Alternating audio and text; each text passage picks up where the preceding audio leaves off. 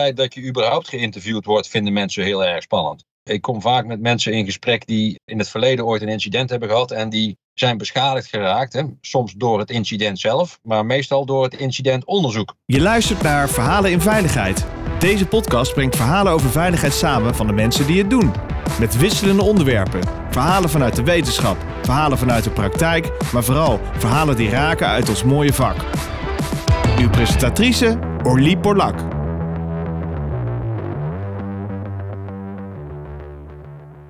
Welkom eh, luisteraars, het is weer tijd voor een eh, mooie podcast. Ik zit in de studio met eh, Rob Hoitsma. Hij is specialist in human factors en veiligheidscultuur, werkzaam bij Nexis. Hij is gespecialiseerd om met oog voor menselijk gedrag naar ongevallen te kijken. En vandaag praten we over zijn expertise. Hoe doe je nou een ongevallenonderzoek en wat heeft dat nou te maken met je veiligheidscultuur? Rob, welkom. Dankjewel. Ja, hoe doe je dat nou? Hè? Dat is inderdaad een goede vraag. Om te beginnen, van wat staat centraal in die manier van onderzoeken? Dat is eigenlijk de vraag, waarom was het logisch om het zo te doen? Vaak proberen we dingen te verklaren vanuit van ja, het ging niet zoals het had moeten gaan.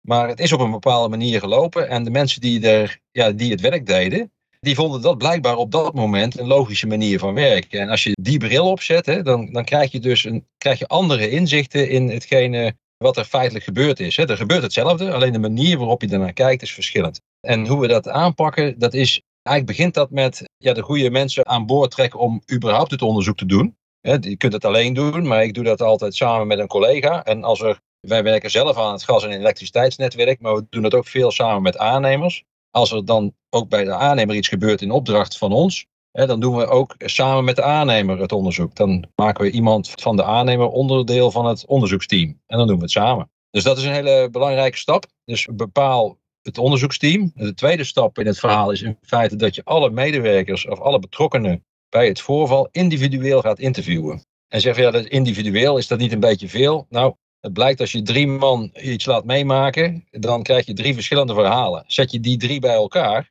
krijg je één verhaal. Waarschijnlijk van degene die ja, gezien wordt als de, de, een beetje de vertegenwoordiger van de groep. En de rest, ja, die houdt dan een beetje, ja, die zegt van ja, ja, dat ging zo. Maar dus als je dat individueel doet, blijkt dat er allerhande verschillende invalshoeken zijn. Dus soms dat mensen elkaar ook niet goed begrepen hadden. En dat ben je helemaal kwijt als je dat samen doet.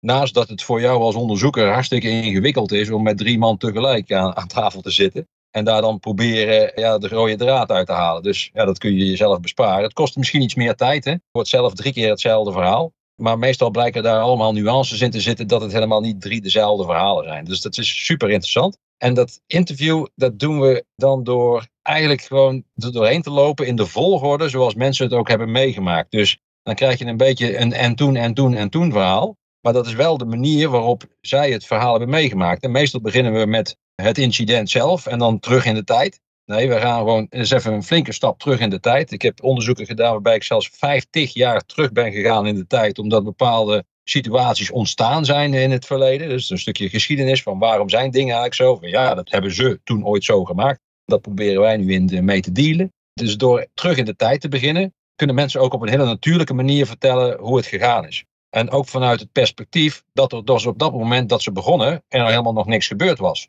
Dus met de kennis van dat moment, door de gebeurtenis heen lopen. En als je weet wat de uitkomst was, had je meestal iets anders gedaan. Dat weet je op dat moment nog niet. Dat is ook een belangrijke stap. En voor mensen is dat meestal heel makkelijk om het op die manier ook te vertellen. En hoe anders is, is dat nou met gewoon regulier onderzoek? Nou, dan zie je vaak dat je met een top-event begint en je kijkt terug in welke barrières er zijn doorbroken. En dan zeg je de achterliggende oorzaak. Dat is dan achter, maar dat is eigenlijk de voorliggende oorzaak in de tijd gezien. Dus het is maar net hoe je dat, hoe je dat bekijkt. En het blijkt als je dat gewoon in de tijdvolgorde vertelt, of laat vertellen zoals zij het hebben meegemaakt, dan krijg je ook het verhaal wat zij hebben meegemaakt. In plaats van jij, waar je als onderzoeker heb je vaak een beeld en probeer je daar bevestiging voor te vinden. Dus dat moet je loslaten en dan eigenlijk gewoon meegaan in het hoofd van de mensen met wie, eh, die erbij betrokken waren. Vaak kom je er ook achter dat er mensen nog in het voortraject bij betrokken zijn. Bijvoorbeeld als er een werk gedaan moet worden, is dat meestal ook voorbereid. Die mensen komen helemaal niet in beeld op het moment dat het fout gegaan is. Maar hebben wel een rol in het voortraject. Dus dat er condities zijn geschapen eigenlijk om dingen te laten gebeuren. Bijvoorbeeld een werkvoorbereider die niet precies helder heeft van wat er, hoe het op de tekening staat. Of het niet helemaal begrijpt. En je denkt, oh, dat lossen ze in het veld wel op. Nou, dat zijn die mensen prima gewend om dingen in het veld op te lossen. Maar hè, als je dat eh, als je terugkijkt, hè, dus die beslissing van zo'n werkvoorbereider om te denken van, oh, dat lossen ze daar wel op, is wel een heel interessante. Dus zo probeer je ook steeds verder naar voren. Dus in dat proces mensen te spreken die een stukje van die film eigenlijk hebben meegemaakt. Of eigenlijk, hebben het, eigenlijk het, ja, het script mee hebben gemaakt. Eigenlijk. Maar ik kan me ook voorstellen dat niet iedereen blij is met deze aanpak. Ja, nou, de aanpak is meestal niet de discussie. Hè. Het feit dat je überhaupt geïnterviewd wordt, vinden mensen heel erg spannend. Ik kom vaak met mensen in gesprek die in het verleden ooit een incident hebben gehad en die zijn beschadigd geraakt. Hè. Soms door het incident zelf, maar meestal door het incidentonderzoek. En dat ze een duw hebben gekregen of veroordeeld zijn van ja, dat had je niet moeten doen, want dat staat toch daar. En dat ze daar helemaal hun verhaal niet kwijt hebben gekund. Dus wat je ziet, deze aanpak wordt eigenlijk juist heel erg omarmd. Omdat mensen gewoon echt de werkelijkheid kunnen vertellen. Zonder dat ze daar meteen op afgerekend worden. En de leidinggevende? Want het andere aanpak wijst uiteindelijk een schuldige aan. In veel ongevallen onderstudies die wij allebei natuurlijk wel kennen. Mhm. En dan is het uiteindelijk, komt er onderaan de regel, hij heeft de regel overtreden en daarom stond hij onder uh, stroom. En nu kom jij al op dingen als, ja, er zijn condities al veel eerder geschapen die mogelijke toedracht kunnen zijn voor wat wij nu hier zien. En Ja. dat betekent dus dat het ook er geen sprake meer is van schuldvraag als ik jou goed beluister. Klopt. Maar dat er ook meer mensen bij betrokken raken. En dat het dus ook wat ingewikkelder wordt om in één keer eigenlijk een eindconclusie te hebben. Ja, dat is interessant, hè? want als het proces even verder aflopen, dan komt dat terug. Hè? Want nu zitten we in de fase dat je informatie eigenlijk ophaalt bij mensen. Hè? En natuurlijk kun je op de achtergrond documenten bekijken, plannen die geschreven zijn, tekeningen, allerhande andere dingen kun je erbij halen. En maken we op basis van alle mensen die we geïnterviewd hebben, maken we één reconstructie. Dus een, echt een, een tijdlijn, een visueel gemaakt verhaal, hè, wat we in PowerPoint maken. Soms zelfs met bewegende dingen erin, hè, dat je kunt laten zien, zo is het gegaan. Je krijgt een soort filmpje. En die reconstructie, die nemen we dan vervolgens in een tolgesprek. Dat is een terugkoppel onderzoek leergesprek. Nemen we samen die reconstructie door. Om te checken of het verhaal wat we gemaakt hebben überhaupt klopt. En het, het, leuke is als je dus met drie verhalen van mensen in één tijdlijn zet. En dan zie je dus drie poppetjes zeg maar uh, samen iets doen. Dat is gemaakt op basis van die verhalen. Door dat dan te bespreken met de, de betrokkenen. Gaat dat heel erg leven en komen er allerhande vraagstukken boven. Oh, bedoelde jij dat? Dus dat ze dan eigenlijk ter plekke erachter komen dat de een de ander op het verkeerde been heeft gezet. Of dat ze denken, ja, maar waarom heb je mij niet even, even erbij gehaald? Dat soort vragen die anders in eerste instantie op de achtergrond zouden blijven. En het mooie is ook als je er op die manier doorheen loopt, dat je eigenlijk vanzelf in een stukje analyse komt. Bijvoorbeeld spanningsloos werken. De beste installatie waar je aan gaat werken, staat liever geen spanning op. Maar ja, als je de spanning uitzet, dan is een hele straat heeft geen spanning bij wijze van spreken. Dus die mensen willen dat liever niet. Dus wij proberen dan toch onder spanning te werken. Maar dat besluit daarover, ja, dat wordt natuurlijk een tijdje daarvoor al door anderen genomen. En moeten die lui staan dan te werken waar onder een installatie waar spanning op staat. En zo kom je er eigenlijk achter dat zo'n gesprek zou dus kunnen gaan over, joh, hoe besluiten wij eigenlijk over het wel of niet onder spanning werken. En dat wordt dan zeg maar een soort van onderzoekselement, dus een analyseonderdeel. Waar je eens wat verder op uit kunt diepen en zeggen van, hé hey joh, ja, normaaliter doen we dit spanningsloos en nu doen we het een keer wel onder spanning, want er was dit en dit en dit aan de hand. Nou, zo zie je dat er allerhande nuances in beeld komen. En is in dat tolgesprek, hè, daar checken we dus het verhaal. We diepen eigenlijk de analyse uit. Hè, want de mensen die het werk doen, ja, dat zijn de experts van het werk. Dus die moet je vooral benutten in zo'n gesprek om erachter te komen, hoe gaat dit eigenlijk normaal? En waarom gaat het eigenlijk normaal goed? Hè? Kom je dan ook achter. En samen verbeterpunten bedenken. En dat zijn gewoon echt fantastische verhalen. Ik was eerder deze week in de vestiging Groningen. Daar zaten, uiteindelijk zaten, was een, mijn, mijn aannemer was wat fout gegaan. En uiteindelijk zitten we met 15 mensen aan tafel. Van een grondwerker, een machinist en, en allemaal mensen die dat werk gewoon doen. Heb je samen dus een leergesprek over, hé hey joh, als wij in een tracé zitten en daar staan bomen en die gasleiding loopt onder bomen door, die gasleiding die we moeten vervangen, hoe krijg je die leiding dan eigenlijk vrij? Als daar een boom, die eerst een klein boompje was, maar een boom van 50 jaar oud, ja, die heeft een enorm wortelnetwerk. Dus die leiding zit daar helemaal ingefrot. Dat is, een, dat is ook een wortel, zeg maar. Dus een ontzettende puzzel om dat er dan uit te krijgen. En hoe die mensen daar dan over praten en proberen daar zelf eigenlijk normaal chocola van te maken.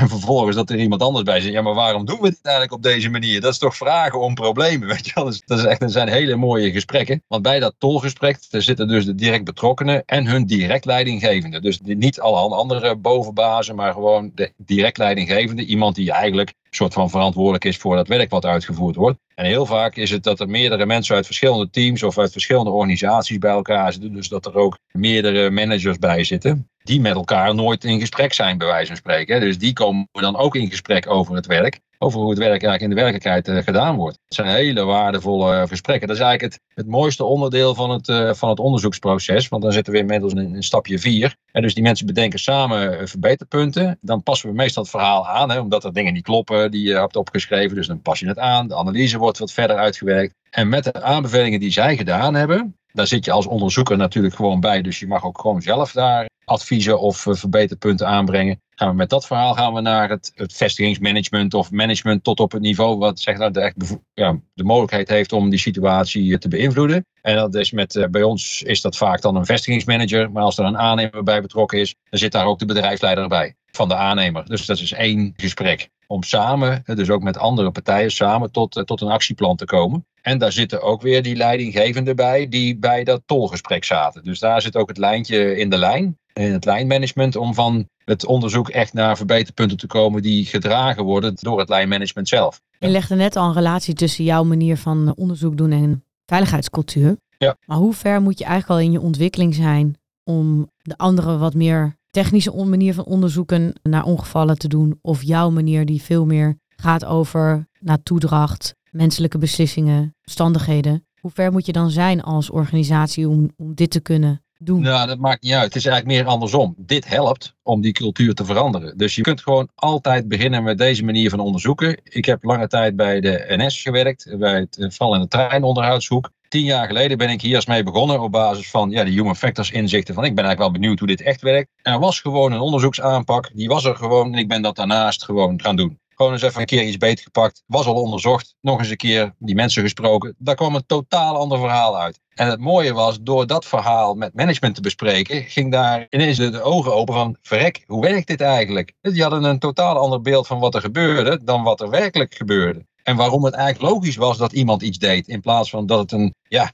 hoe kan die dat nou doen? Dat mag niet, hè, want dat staat daar, dus die moet gestraft worden. Het was eigenlijk best wel logisch dat hij dat deed. Dus het begrip voor waarom mensen beslissingen nemen op een bepaalde manier, ja, dat was een complete eye-opener. En leidde dus eigenlijk ook bij de medewerkers zelf, maar ook bij de managers, tot een totaal andere manier van kijken naar dingen die gebeurden. Waardoor het in eerste instantie, vroeger was dat zo, er ging iets fout. We moesten er wat van vinden. En dan vrij snel, hè, dat managers dat twee, drie keer hebben meegemaakt, zo'n onderzoek, en elke keer erachter komen van ik zag het verkeerd. Ja, dan krijg je natuurlijk de situatie dat ze dan gaan denken, wacht eens even, ik ga eerst eens even afwachten wat er uit het onderzoek komt voordat ik ga oordelen. En dat heeft ertoe geleid dat er eigenlijk een totaal andere cultuur kwam over kijken naar dingen die fout gaan. Die veel genuanceerder was dan meteen je oordeel hebben. Want ja, dat meer vierkant management is van er gebeurt iets. Nou, ik zal als manager even laten zien dat ik goed op veiligheid bezig ben. Dus ik zal eens even flink ingrijpen. Maar eigenlijk richt je daar meer schade mee aan dan dat je recht doet aan de, ja, de complexiteit van de werkelijkheid eigenlijk. Ja, er zijn mensen die echt de kantjes ervan aflopen. Maar ik heb denk ik in mijn leven nu denk ik nou 400, 500 onderzoeken gedaan. Waarbij ik misschien twee, drie keer meegemaakt heb waar ik denk van nou deze persoon die hoort hier niet thuis. Terwijl al die andere keren was het altijd zo van ja,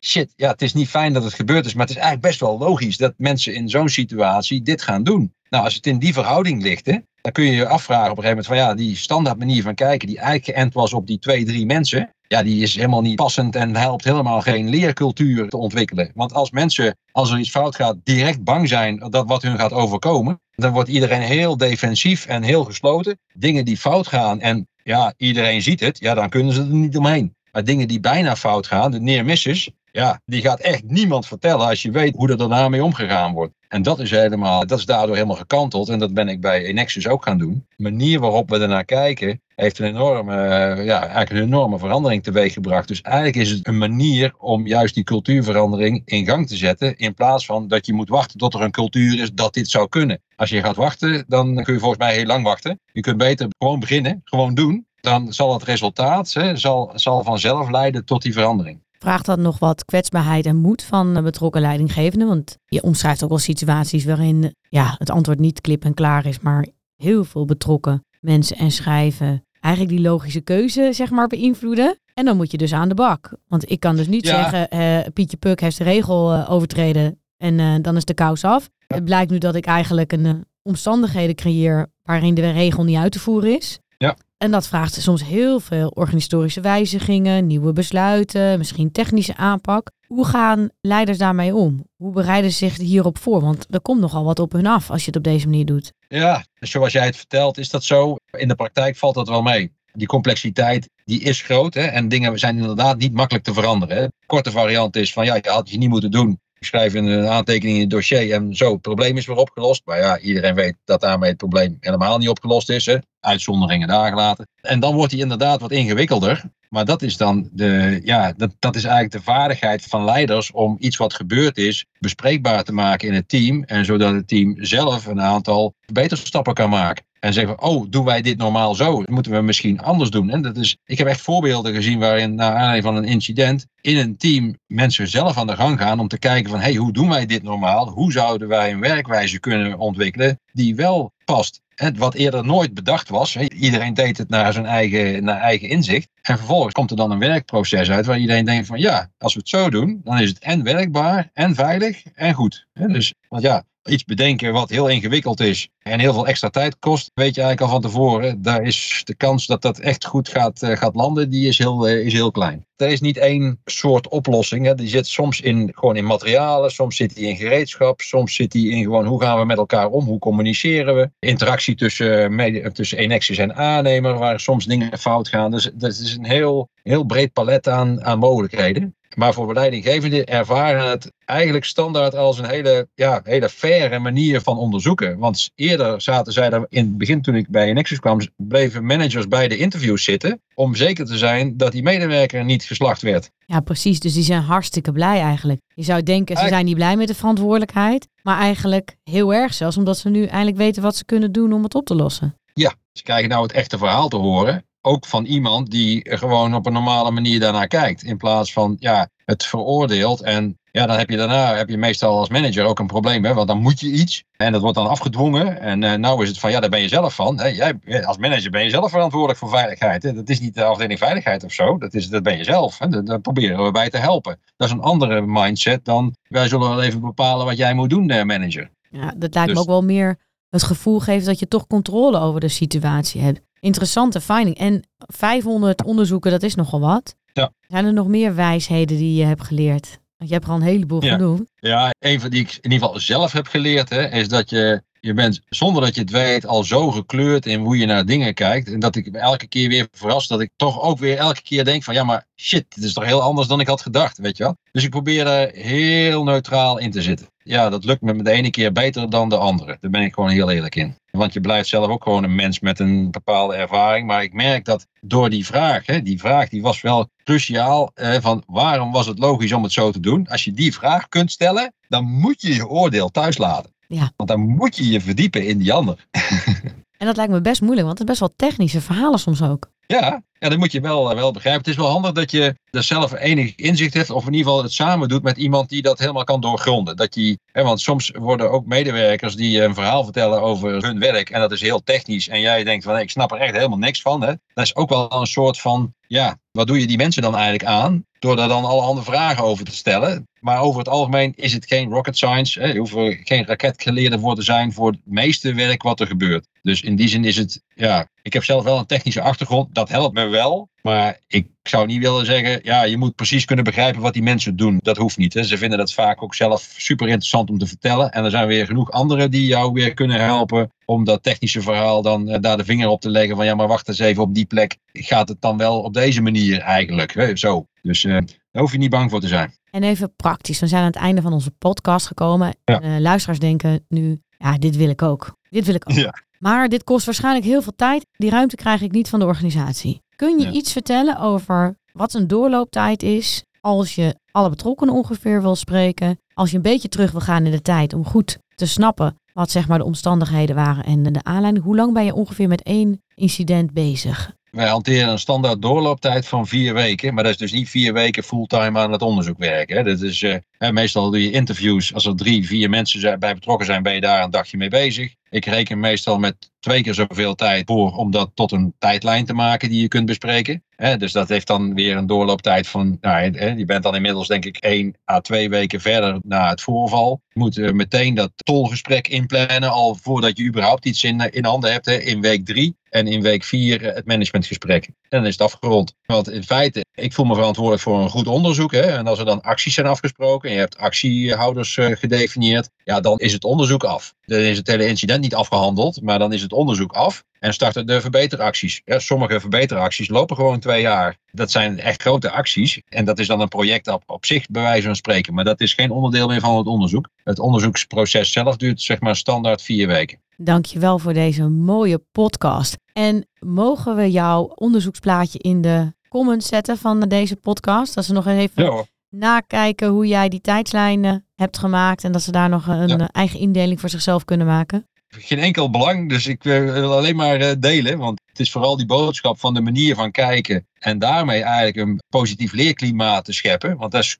super belangrijk. Als je bijvoorbeeld wil doorgroeien naar level 4 op de veiligheidsladder, ja, dan moet je iets doen aan de interactie aan, en ook kijken naar jezelf. Wat is level 4 gedrag van een veiligheidsafdeling? Hoe ga je dan met incidenten om? Ja, dat is volgens mij de crux en dat is mijn ideologische doel. Dat mensen zich prettig en gewaardeerd voelen in de organisatie, want alleen dan kunnen we tot topprestaties komen. Dankjewel voor deze hele mooie bijdrage. Heel graag gedaan.